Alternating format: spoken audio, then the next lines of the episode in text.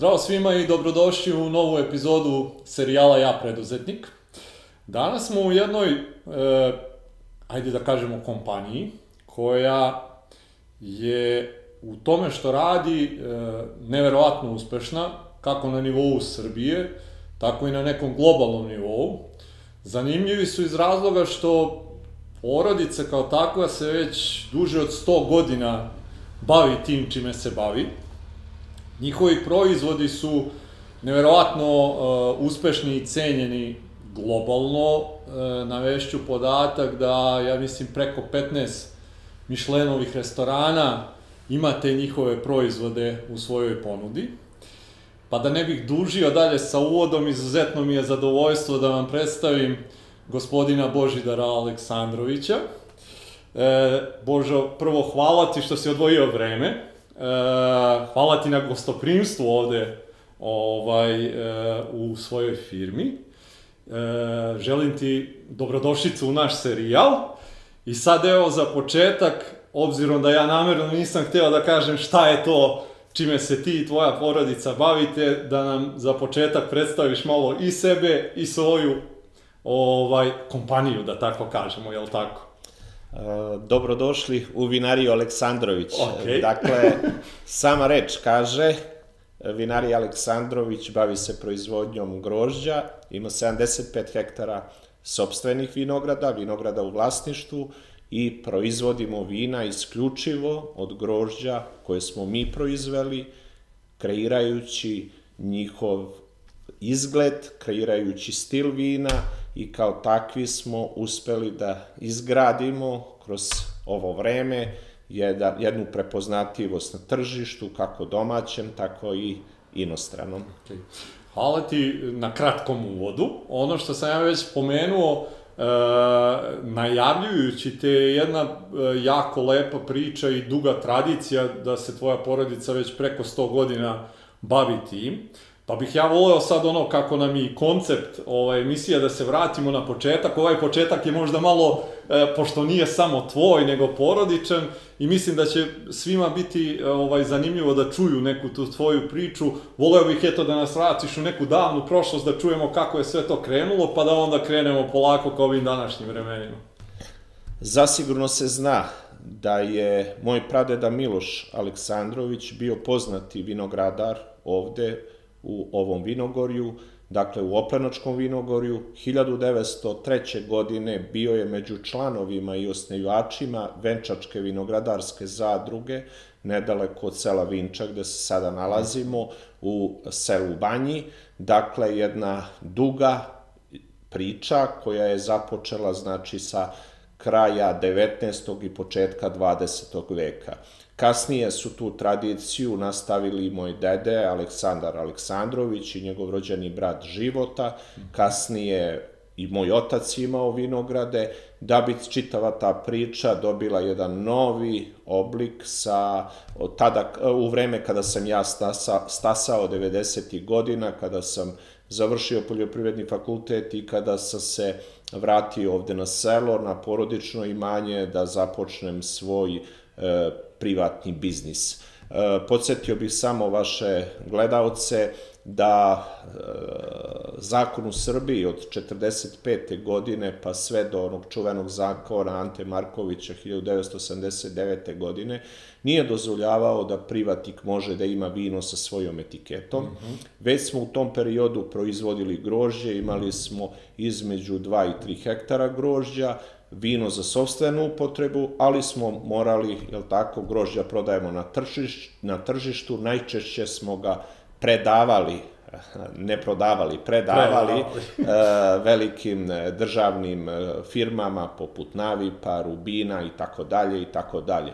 Dakle, neka preduzetnička priča u ovom obliku kakav se danas prepoznaje, počinje 90. godina, onda dolaze one e, godine e, ratova, sankcija, mhm. hiperinflacije kroz koje smo prošli, gde nije bilo nekog velikog napretka. U to vreme sam u podrumu od 60 kvadratnih metara u porodičnoj kući e, proizvodio 5-6 hiljada boca vina i tada vrhunskog kvaliteta, da bi tek posle političkih promena 2000. godine i kada je profunkcionisao bakarski sistem, ušao profesionalnije u proizvodnju mm -hmm. e, grožđa, počeo sam da podižem vinograde, ta proizvodnja je, tako, shodno e, hektarima vinograda počela da raste, tako da evo danas imamo 75 hektara. Okay.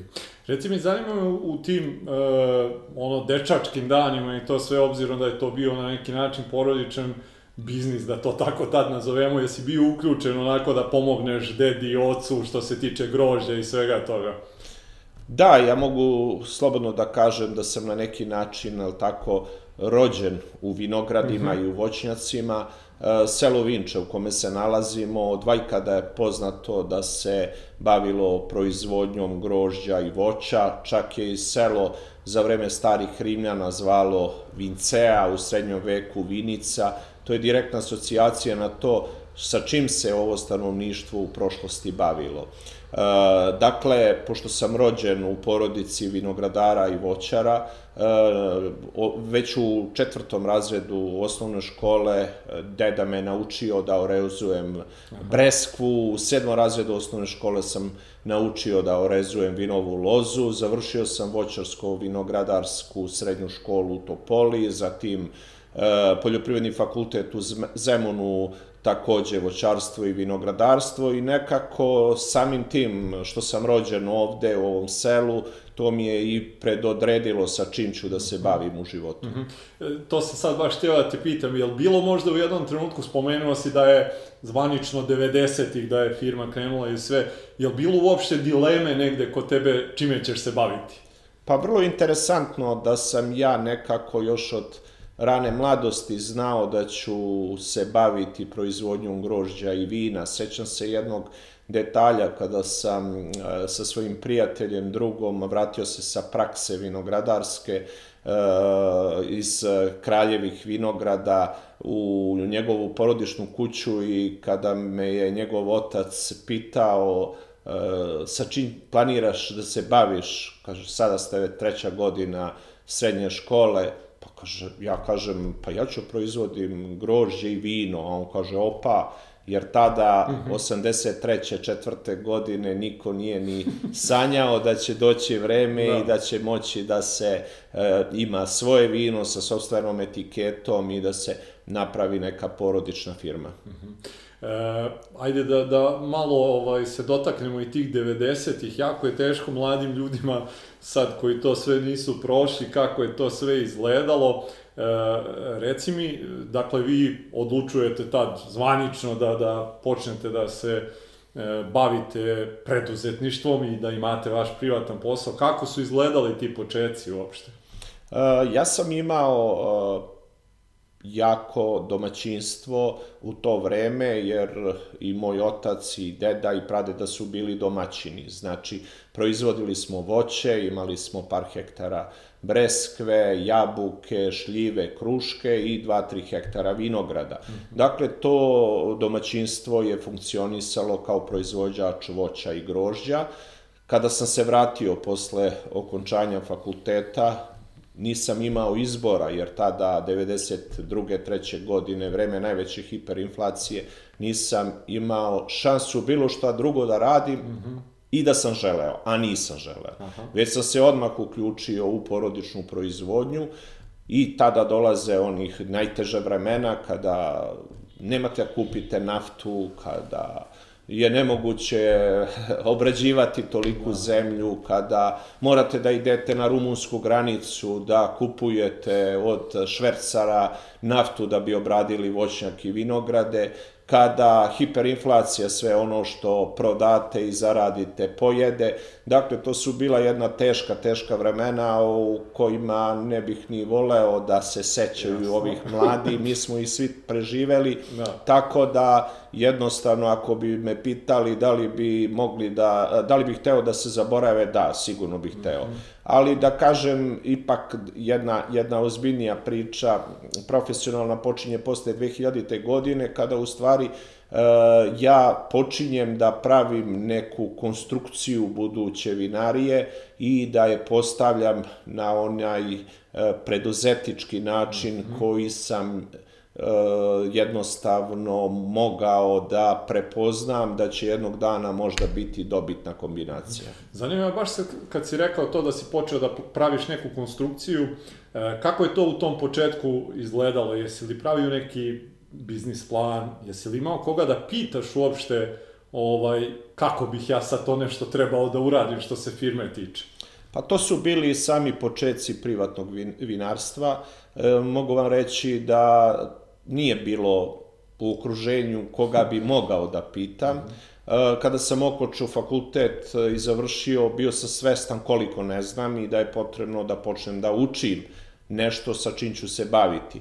Omogućilo mi je to saznanje da ništa ne znam, da dosta putujem po vinogradarskim zemljama, vinarskim zemljama, Italiji, Nemačkoj, Francuskoj, Španiji, Portugaliji i da vidim kako to oni rade, kako oni proizvode vina koje koštaju u to vreme 10, 15, 50, 70, 100 maraka kada su plate u Srbiji bile 5 da. ili 10 maraka.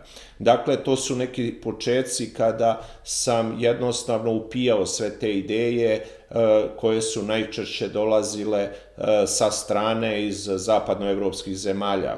Kasnije upoznajem i e, enologa, mog e, prijatelja sa kojim radim od 2002. godine, Vladu Nikolić, i onda e, moje znanje i njegovo znanje pokušavamo da ujedinimo u jednu celinu i da postavimo temelje jedne proizvodnje koja u samom startu svakako nije ni, nisam je video kako će da izgleda na kraju. E, vinariju sam počeo da pravim ratne 99. godine, čim je stalo bombardovanje. Gradnja vinarije je trajala punih 16 godina, sve do 1900, od 2016. godine. E, dakle, započeo sam od 12 puta 12 metara, nisam znao čak ni da li ću uspeti tolku vinariju da završim, mm -hmm. a na kraju je završila posle 16 godina na nekih 2,5-3 hiljade kvadratnih metara. Dakle, uh, postojala je neka vizija, ali sigurno ne toliko daleko da bih ja sada znao kako, da, da bi tada znao kako bi trebalo mm -hmm. to da izgleda. Jednostavno to je nastajalo kroz vreme. Mm -hmm. Iz godine u godinu kako je vino donosilo neki profit, vino je ponovo vraćan, za to vreme su se stvarale nove ideje, proširivala vinarija, e, tako da sada kada pogledate i pogotovo ko dođe prvi put pomisli pa ovo je rađeno i znalo se šta će bude. Ne, ovo, mhm. odgovorno tvrdim, nisam znao da ću da je završim, a kamoli da, da. kako treba da izgleda. Reci mi, e, koliko ono e, ljudi je okupljeno oko tog, e, oko firme ili projekta, kako god to sad zvali u tom trenutku, početkom 2000-ih, koliko vas ima? Pa vidite, znači, ja kao vlasnik firme, enolog Vlada Nikolić i par prijatelja koji su više onako iz prijateljstva i drugarskih odnosa došli da pomognu. Uh, od toga je krenulo. Dakle, uh, imali smo određene buriće koje, smo, nas, koje sam nasledio od svog od dede, onda kupili smo nekih šest tankova od inoksa, jer savremena proizvodnja vina podrazumeva upotrebu inoksa u fazama prvim fazama fermentacije i tako dalje i tako dalje.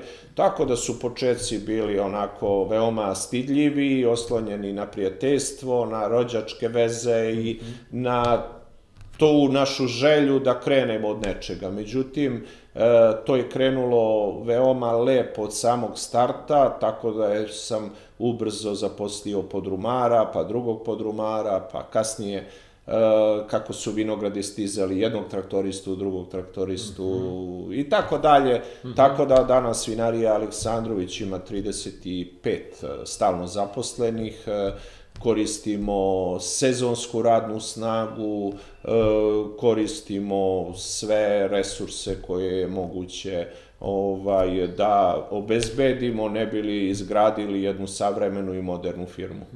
Šta su tebi možda na tim samim početcima bili najveći neki izazovi koje si imao ovaj, možda u vođenju kompanije, možda u organizovanju svega toga? Sećaš li se možda šta ti je onako bilo e, jako e, izazovno i šta si ti uopšte morao da radiš, da prebrodiš te neke stvari? Uh, pa najveći izazov je bio da se proizvede kvalitet. Uh -huh. Jer ako, bio sam siguran ako proizvedem kvalitet i ako ga dobro upakujem i ako ga dobro prezentujem da će uspeti biznis. Uh -huh. Jer na kraju uh, nije bila presudna samo stvar da biznis uspe, svakako bila je bitna, ali je bilo veoma važno da se proizvede kvalitet. Uh -huh. Jer onaj koncept koji smo mi zamislili je bio koncept kvaliteta. Znao sam da tog koncepta kvaliteta nema bez sobstvenih vinograda, znači bilo je potrebno prvo uh, posaditi sobstvene vinograde, ručno odnegovati to grožđe, jer samo od visoko kvalitetnog grožđa možete dobijete vrhunsko vino. Znači, bilo je potrebno znanje, kako u vinogradarskoj proizvodnji, tako u vinarskoj. Bila je potrebna oprema, Na kraju je potrebno kad dobijete proizvod da ga fino upakujete i da ga onda ponudite tržištu. Kada sam e, dobio e, pozitivne reakcije tržišta, kada su se ljudi ponovo vraćali, kada su ponovo mm -hmm. kupovali te boce vina, ja sam tada shvatio da je ovo priča koja sigurno ima budućnost, jer u stvari je uspeo koncept, koncept kvaliteta. Mm -hmm. Da, mislim da je ovo sad baš onako kako si ispričao neki sled e, jako važan za e, mlade, recimo, koji razmišljaju, dakle, ti si e, krenuo od tog nekog krajnjeg cilja koji je podrazumevao kvalitet, što je onda vuklo da ti moraš da imaš svoje vinograde, znači jedna za drugom stvari su uh, rađene onako kako bi ti došao do nekog svog konačnog cilja i onda si dobio tu neku prvu reakciju od tržišta i video da sve to što si ti na neki način krenuo sa pretpostavkom, da si dobio povratnu informaciju od tržišta koja je rekla da si ti u pravu i da ti onda na, na osnovu toga možeš dalje da, da gradiš celu priču. Da, ovaj, e, ja sam znao da u domaće proizvodnja vrhunskih vina ne postoji ili je na samim početcima. Mm -hmm. Postojala industrijska proizvodnja, ono što je radio Navip i druge Jasno, velike da. državne firme. E, potrebe restorana, hotela, srpskih sa vrhunskim vinima su popunjavala vina iz uvoza. Mm -hmm. Dakle, tu je bio prostor prazan da, kod doma, od domaćih proizvođača. Mm -hmm. Samo par vinarija je počelo od proizvodnju, među njima i vinarija Aleksandrović, e, tako da smo ušli u taj segment koji nije bio e, jednostavno nije postojao od mhm, domaćih mhm, firmi. Mhm. I onda polako, kako je rastao kvalitet srpskih vina, tako se i razvijalo potreba za srpskim vinima i stvario, stvorio se jedan prostor, tako da danas imate više od 300 vinarija koje su nastale u zadnjih 15 godina, rekao bih, pogotovo u zadnjih 50 e, godina. Mm -hmm. Dakle, sada se s ponosom srpska vina prodaju u Beogradu, u beogradskim restoranima, u Novom Sadu, u Kragujevcu, a pre 10-15 godina, ako je nekao, imao neko privatno vrhunsko vino, prodavao ga je kao raritet, jer da. to, to, tad, do tada toga da, nije da, bilo. Da. Reci mi šta su možda neki prvi uspesi veći u tim početcima koji su ti onako e, dodatno dali i e, motiva da guraš sve to dalje? Uh, najpoznatiji brend vinari Aleksandrović je vino Triumf. Mm -hmm. uh, dakle, to vino ima istorijsku priču.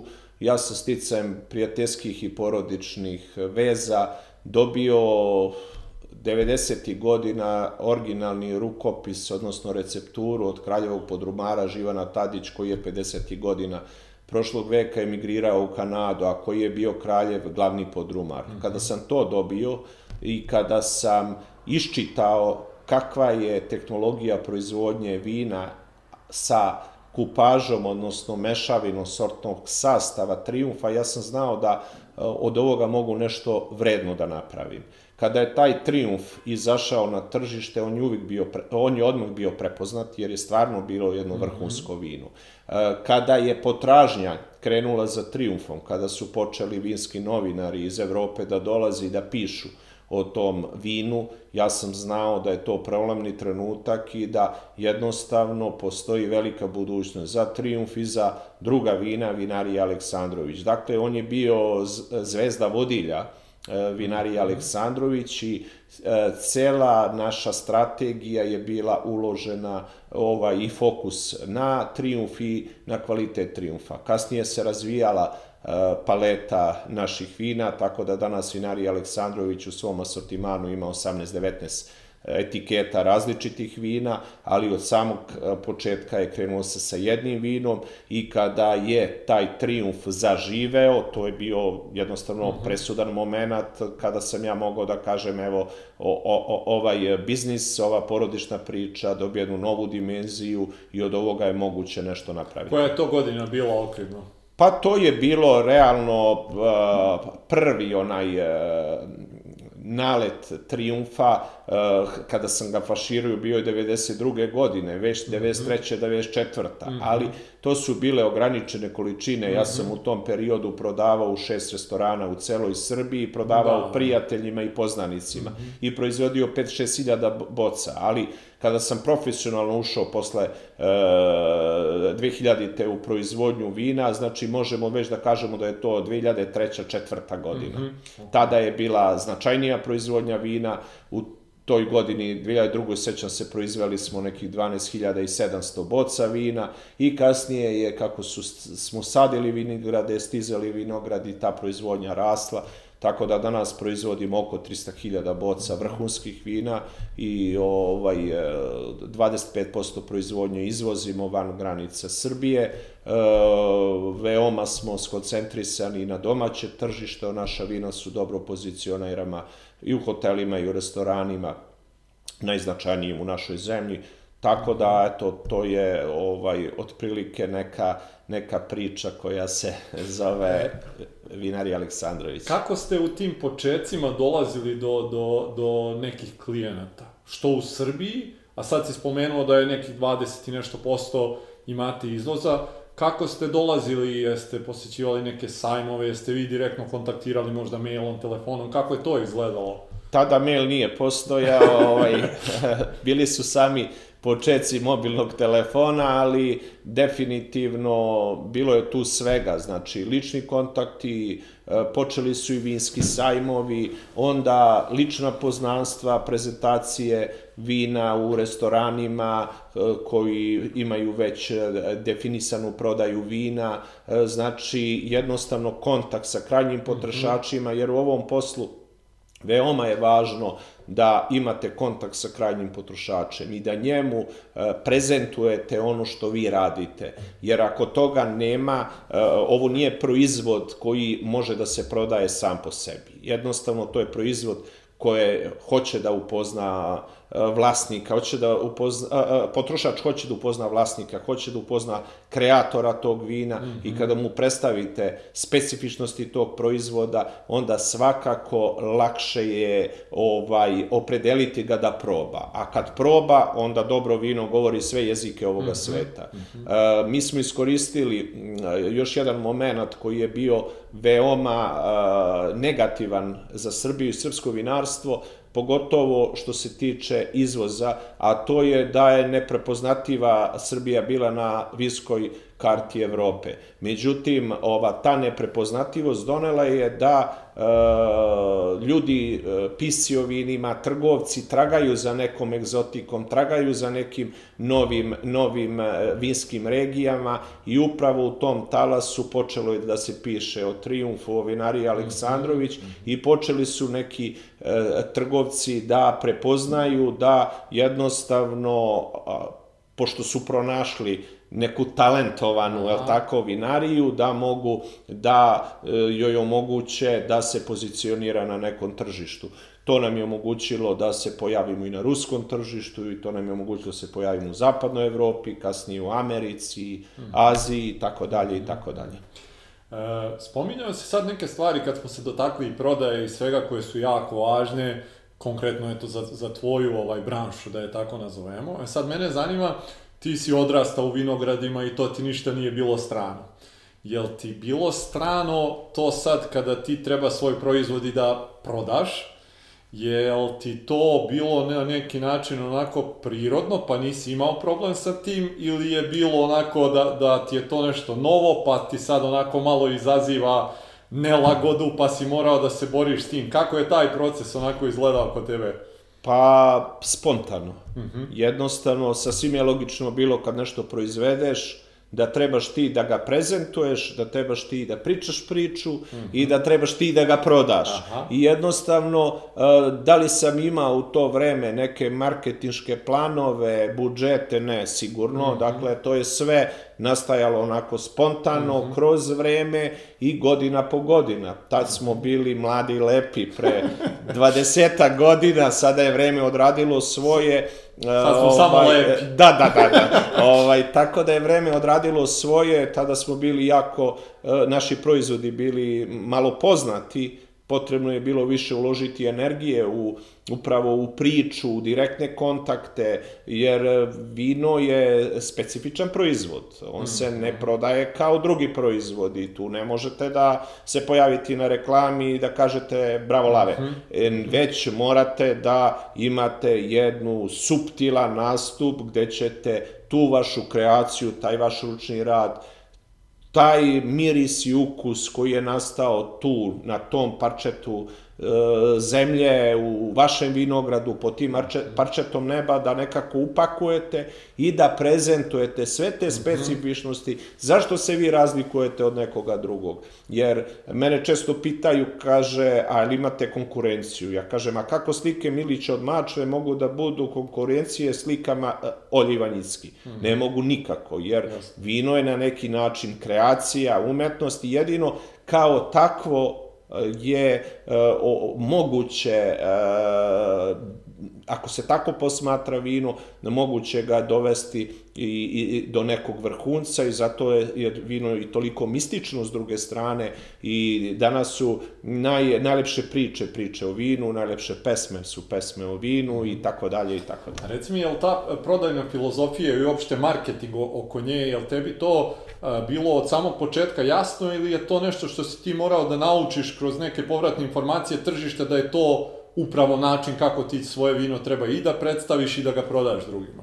Da, u startu mi je bilo jasno da je potreban taj kontakt jedan na jedan, mm -hmm. da je potrebno izaći u restoran i prezentovati to vino gostima restorana. Mm -hmm. Jer oni su ti koji piju vino. Jasno. Jer u ovom, pos, ovom biznisu, poslu imate dve etape. Jedna etapa je da se nađete na vinskoj karti, mm -hmm. a mhm. druga etapa da sa te vinske karte imate potrošnju. Mm -hmm. Potrošnju prave potrošači. Mm -hmm. A dolazak na vinsku kartu je mm -hmm. stvar vlasnika, odnosno menadžera restorana. Jasne. I sad vi možete dođete na vinsku kartu i da nemate prodaju. Mm -hmm. A znači mora stvorite prodaju kod potrošača. Mm -hmm. e, zato je važna ta interakcija između potrošača, vina, proizvođača, vlasnika restorana i na kraju krajeva i te kuhinje koju ta, taj restoran ima. Jasne, Ako nego je kuhinju restorana koji je akcenat na kuhinji, znate onu priču, vino se pije viljuškom, dakle,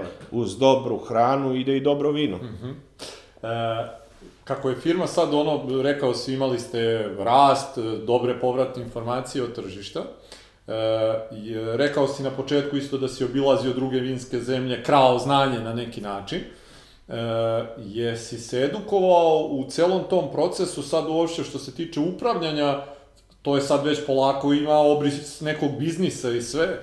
Jesi imao e, tad neki period gde si možda mogao nekoga da pitaš neki poslovni savet ili tako nešto, ili je to opet nešto što si ti e, intuitivno onako dolazio do nekih ovaj načina kako ćeš dalje da se razvijaš?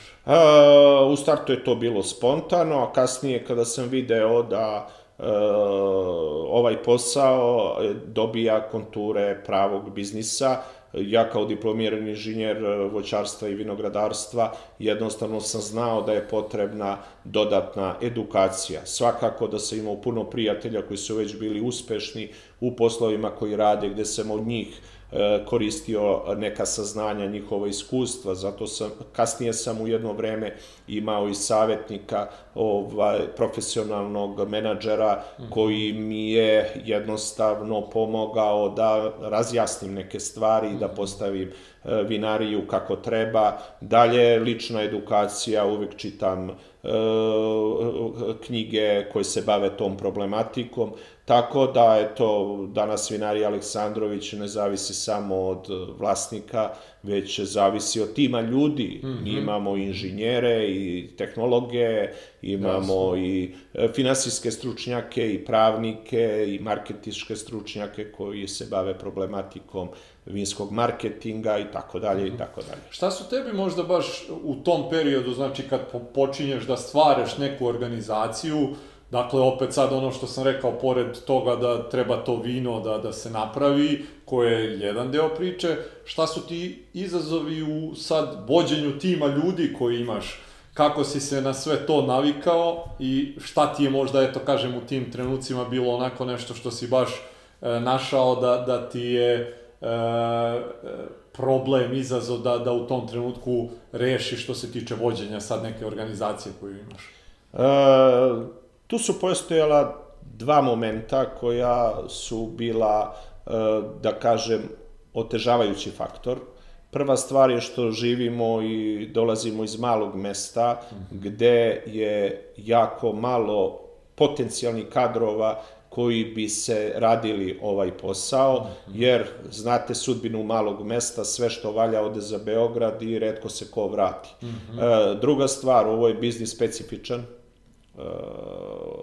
vinski biznis, ovde je potrebno poznavati vinsku problematiku. U to vreme, kada smo postavljali firmu, bilo je i u Srbiji uh, malo ljudi koji su to razumeli, tako da smo jednostavno u startu bili oslonjeni na informacije koje dolaze sa strane iz razvijenih vinarskih zemalja, i morali smo da ljude koji zaberemo da rade za vinariju Aleksandrović, da ih jednostavno obučimo.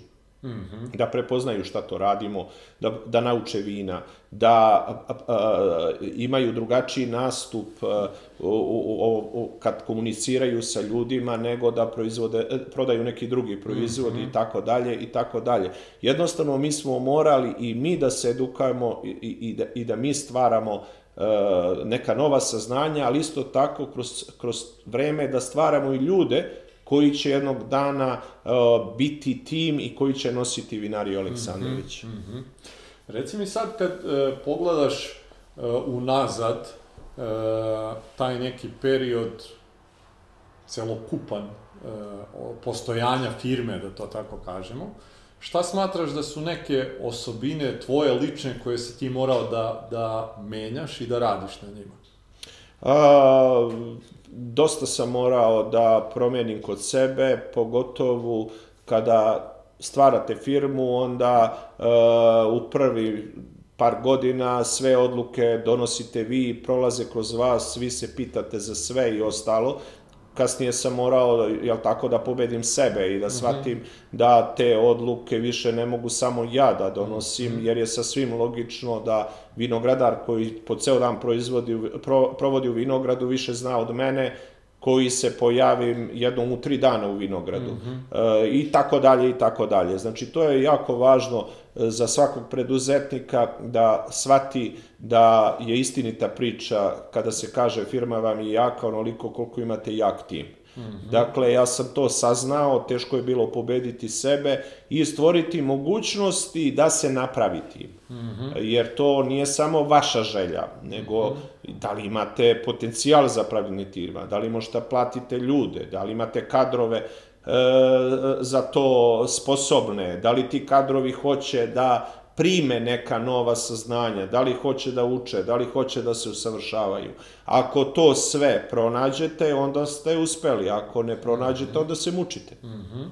Spomenuo si sad baš donošenje odluka, pa me zanima kako si njih donosio, jesi imao ili imaš li danas neki proces, koliko uticaja tu ima možda neka tvoja intuicija na sve to, kako to izgleda? E, pa najčešće je to neka intuicija, e, pogotovo ranije, jer ja sam nekako rođen ovde i zajedno sam rastao sa ovim poslom i sa ovom vinarijom i onda neke stvari se jednostavno kao rešenje izađu same, a ne znate odakle su došle. Ako me pitate odakle je došlo neko rešenje, neka odluka, ne znam. Jednostavno je došla iz celog tog ambijenta i tog života koji živite. Jer ne zaboravite da preduzetnici su ljudi koji žive taj život. Dakle, ja legnem u krevet sa ovom pričom i kad se probudim, opet se probudim sa ovom vinarskom pričom.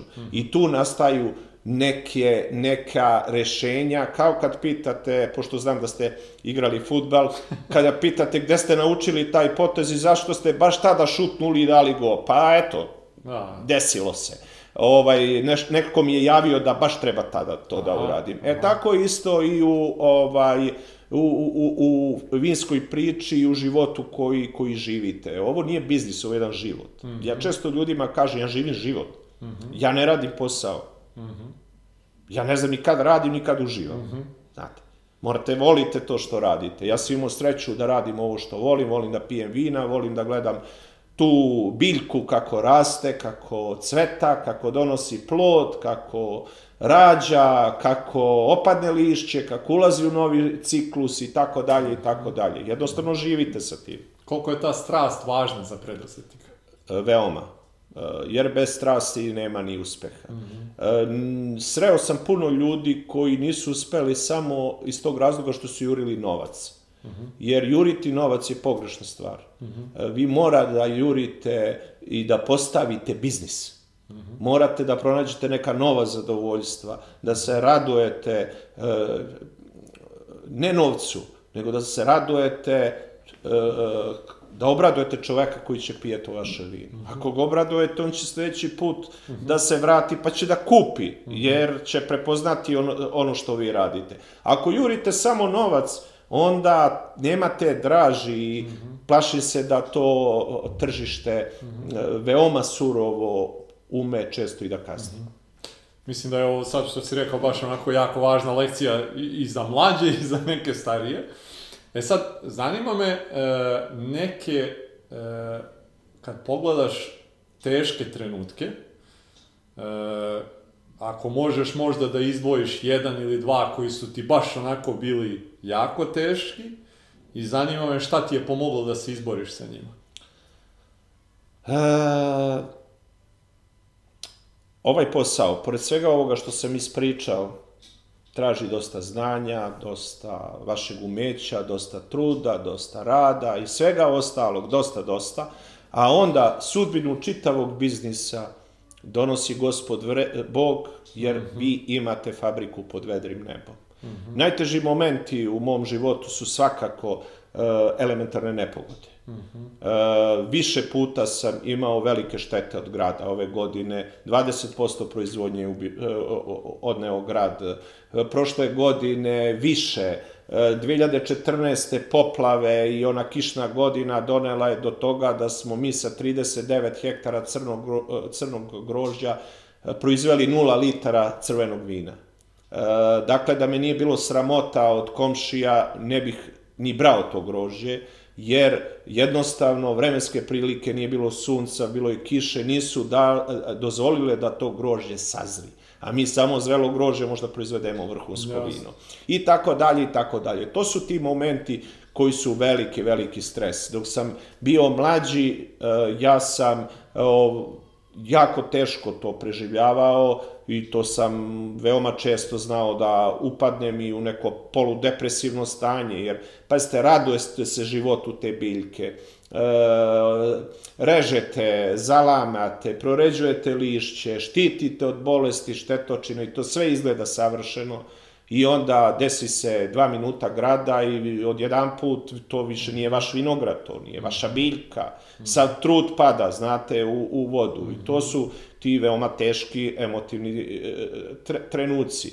Ja kažem često, svi mi koji se bavimo proizvodnjom pod vedrim nebom, mi idemo u proizvodnju s početka vegetacije kao kockar u kazinu. Mm -hmm. sa punim uh, džepom novca. Mm -hmm. A kako ćemo da izađemo, to niko od nas ne zna. Mm -hmm. Prema tome, ovo je jedan veoma, veoma težak, stresan i specifičan uh, posao. Rekao si sad da ono kad si bio mlađi pa si upadao i u depresiju ovaj, oko svega toga, zanima me kako si e, došao sad da, da ne upadaš, pošto si rekao da si ranije upadao, jel to neka promjena tvog mentalnog stava, načina na koji razmišljaš uopšte o svemu tome ili nešto drugo?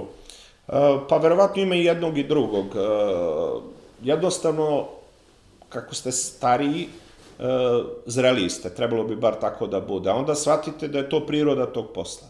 I da jednostavno, da nije tako, onda ni ovaj posao ne bi imao u draž koju ima. Mm -hmm. Bolje je biti proizvođač vina u svom selu nego najveći proizvođač eksera u državi. Mm -hmm. Jer u, e, kod eksera nemate ništa, Aha. imate samo onu meru i metal.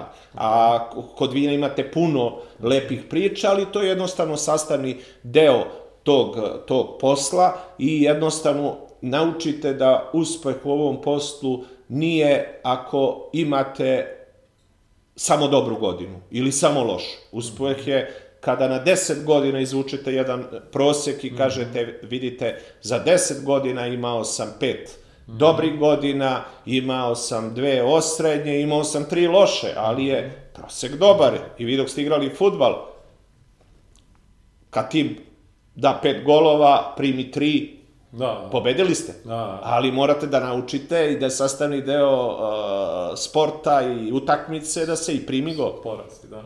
Mislim da je sport, sad pričam iz neke svoje perspektive, za, za buduće preduzetnike onako jako dobra stvar, dosta paralela tih nekih može da se ovaj, izvuče i meni lično baš onako jako puno koristi i baš se onako dobru paralelu napravi. I mislim da je to dobra lekcija i za mlađe koji slušaju da e, ne treba sve gledati onako iz neke žablje perspektive, treba se malo odmaći pa, pa gledati neku širu sliku.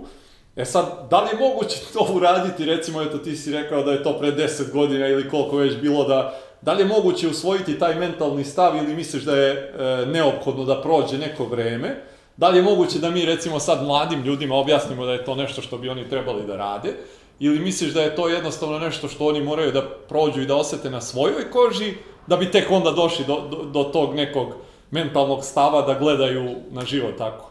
Pa mislim da je ovo drugo, da je prirodno da osete to na svojoj koži i onda jednostavno da prođu kroz sve te e, etape e, razvoja i sebe kao ličnosti i preduzetnika i njihovog biznisa. Mm -hmm. Jer ovde puno stvari može da se nauči, ali jednostavno neke stvari uh, mora vreme da odradi. Mm -hmm. uh, jer u ovom poslu faktor vreme je veoma važan. Vreme je potrebno i za rađanje te vinove loze, i za kvalitet vina. Mi u ovom e, poslu smo naučili da sve može da se kupi osim vremena. Mm -hmm. Dakle, vi da bi proizveli jedno vrhunsko crveno vino, morate proizvedete prvo visoko kvalitetno grožđe, da imate opremu i znanje da ga e, pretvorite u tečnost, u vinu.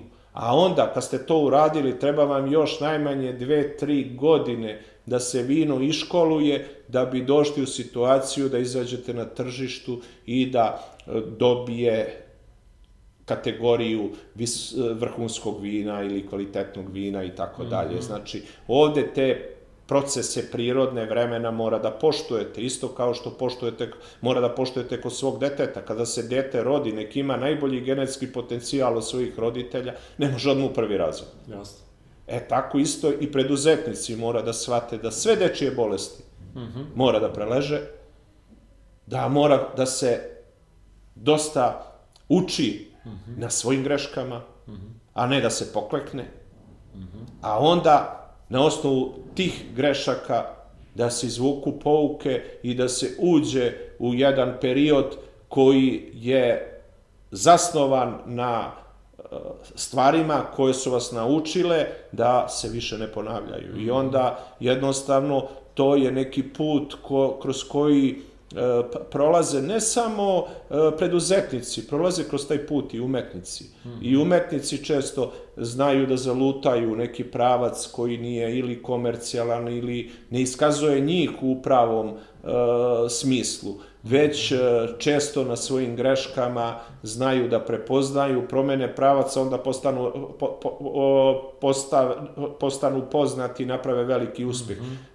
Uh, često je to i kod muzičara U mladosti se svira jedna vrsta muzike i samo nju volite, ali ona je neprepoznativa i jednostavno nije ni komercijalna, niti imate publiku, ni tržište za tu. A onda kada se malo ovaj sazrite, onda promenite vrstu muzike, pa napravite neki mm -hmm. uspeh. Ali to je ipak došlo sa godinama, jer mlad muzičar voli jednu vrstu muzike i uživa u njoj, a kad već sazri, on već uđe u neke mhm. druge pravce. -hmm. Dotakli smo se sad nekih onako teških e, trenutaka preduzetništva. Za, zanima me sad da se malo osvrnemo na one lepe. E, šta su možda jedan, dva, tri trenutka kad se osvrneš sad ovako na, na, na koje si onako jako ponosan i koji su te učinili baš onako jako srećnim kad govorimo o profesionalnom životu?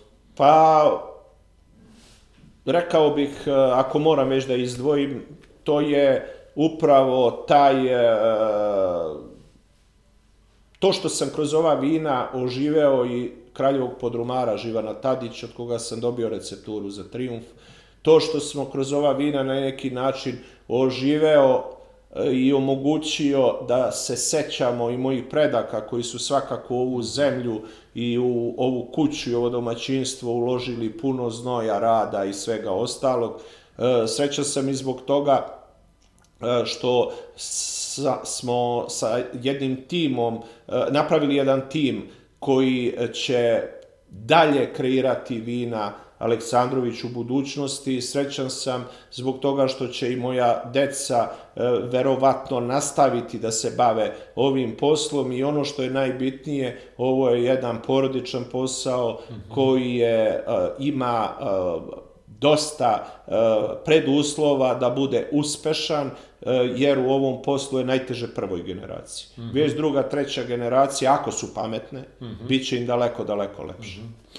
Kako tvoja neka edukacija sad izgleda? Stižeš li da e, posvetiš neko vreme e, čitanju ili obilasku e, drugih zemalja, posetama nekim drugim vinarijama? Kako ona izgleda sad kad si E, daleko da si početnik, sad si već ono gledano za, za uslove Srbije veteran u preduzetništvu, kako ona izgleda i smatraš je ono da je neophodno konstantno se edukovati? Apsolutno da, o, znate o, onu poslovicu ako ste na pravom putu, ako stanete, drugi vas pregaze. Mm -hmm. Ovde je nepotreb, o, neophodno stalno učiti, usavršavati se. E, jasno je da dosta čitam, onda apsolutno posećujem e, sve vinske sajmove, uvek neku vinsku regiju, evo sada sam sa Vladom Nikolićem, e, enologom i kreatorom e, vina.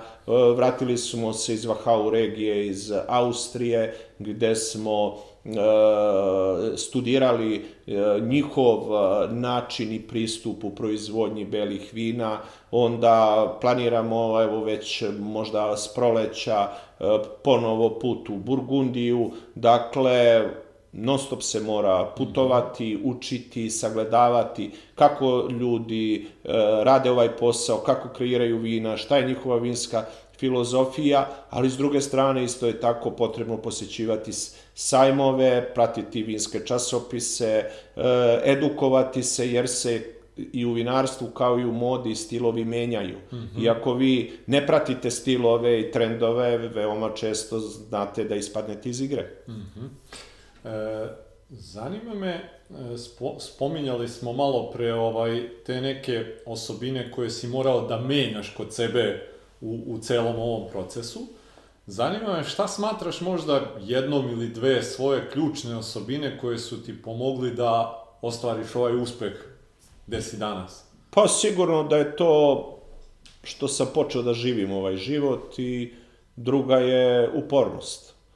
jer jedno bez drugog ne može. Ako vi e, ne radite ono što volite, pa nećete biti dovoljno ni uporni. I s druge strane, ako ste puno uporni, a ni ono drugo, ne možete sebe da pronađete. Dakle, jednostavno upornost i mm, taj život koji, koji sam jednostavno ušao da živim taj život. Mm -hmm, okay.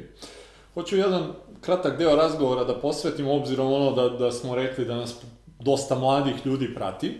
E, zanima me, e, sa svim ovim što ti sad znaš, par saveta koje bi dao mladim ljudima koji su ili tu da započnu neku svoju preduzetničku priču ili su možda na samom početku, šta je to što bi njima rekao? Pa sigurno onaj ko ima uh, afiniteta prema preduzetništvu, a takvih je manj, manje od 10%, mm -hmm. uh, predložio im da odmah započnu.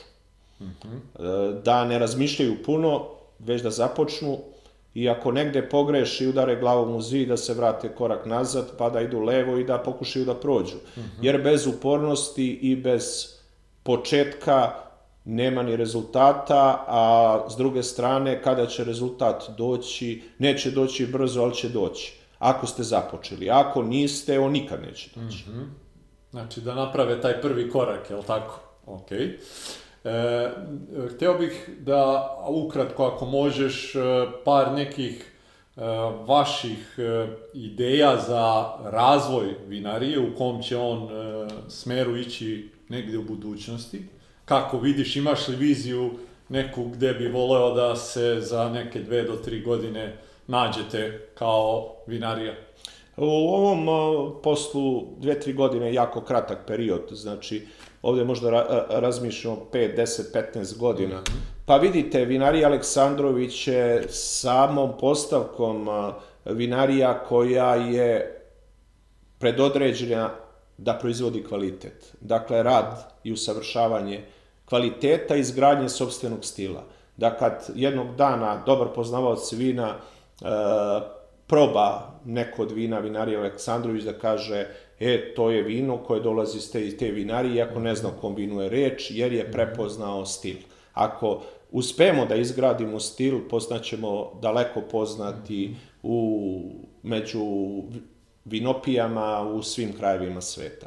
Dakle, e, to ne može da se dođe e, preko noći, to je proces, na taj proces najčešće i najviše utiče upravo upravo podneblje s koga dolazite, mislim da imamo ovaj dobro podneblje, onda utiče vreme, jer ta vina eh, koje imaju svoj karakter, prepoznatljivost, i moraju da dolaze iz vinograda koji su stariji, koji su stariji više od 15, 20, 30 godina i tako mhm. dalje.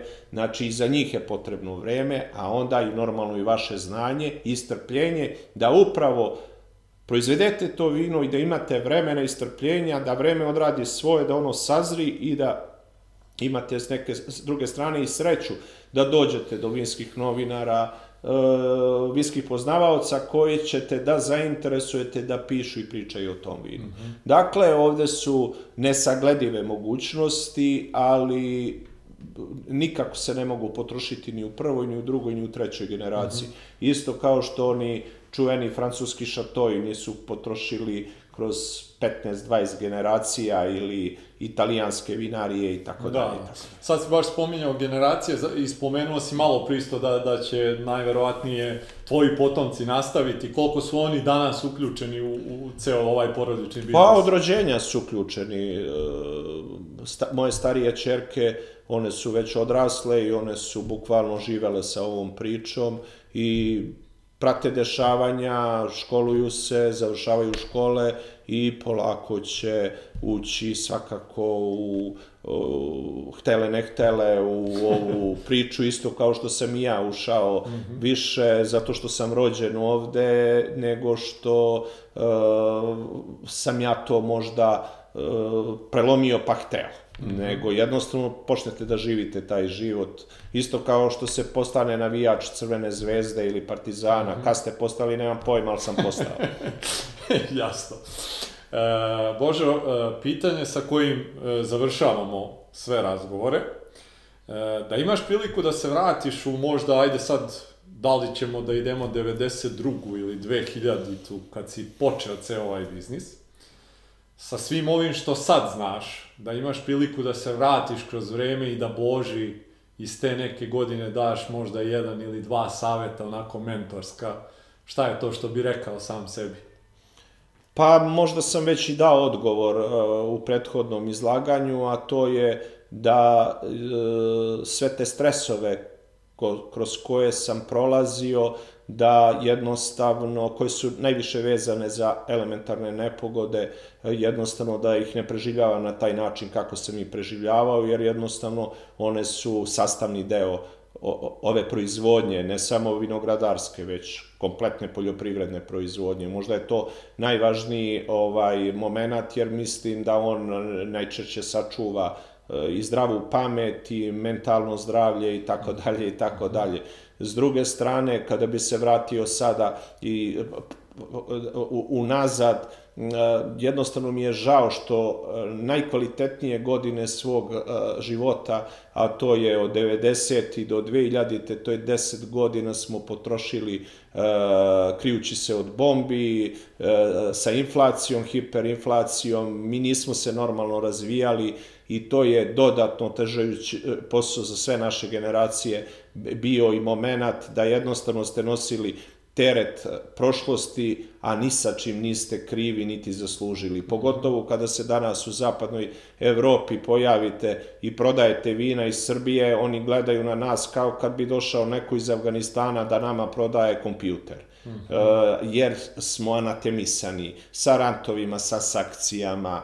E, jednostavno, e, to je teret koji nosimo, a ni sa čim nismo krivi. Mm -hmm. A proizvodimo neke premium proizvode. Mm -hmm jer to je još otežavajuća uh, moment i situacija. Mm -hmm. Kad prodajete i proizvodite premium proizvode, a niko vas ne prepoznaje. Kako je to moguće da u jednoj mm -hmm. Srbiji, toj koju smo mi bombardovali i koje smo prevaspitavali, postoje neki premium proizvod. Mm -hmm. Okej. Okay.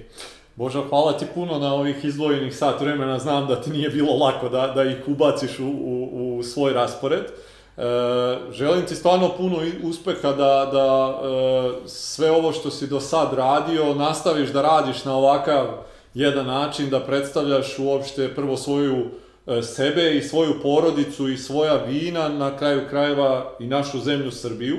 Drago mi je što smo imali prilike da, da približimo jednu e, kompaniju kao što je tvoja ljudima koji nas prate i e, mislim da mladi ljudi treba da, da se ugledaju na, na preduzetnike kao što si ti i da im e, budete uzor na neki način kako bi oni sebe trebali da vide u budućnosti.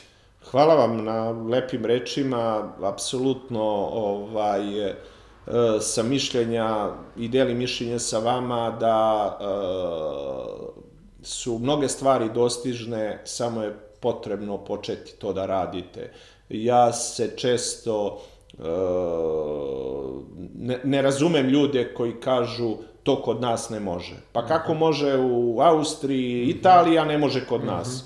Uh, znači, kod nas sve može, isto što može i kod njih. Dakle, samo treba početi i biti uporan da vreme donose, donese rezultate. A mi najčešće odustanemo, a nismo ni počeli, pod opravdanjem to kod nas ne može. Mislim da je ovo što si rekao uh, sjajna rečenica da završimo. Hvala ti još jednom na odvojenom vremenu, a hvala i vama što ste bili još jednom sa vama. Vidimo se ponovo sledeće nedelje. Prijatno!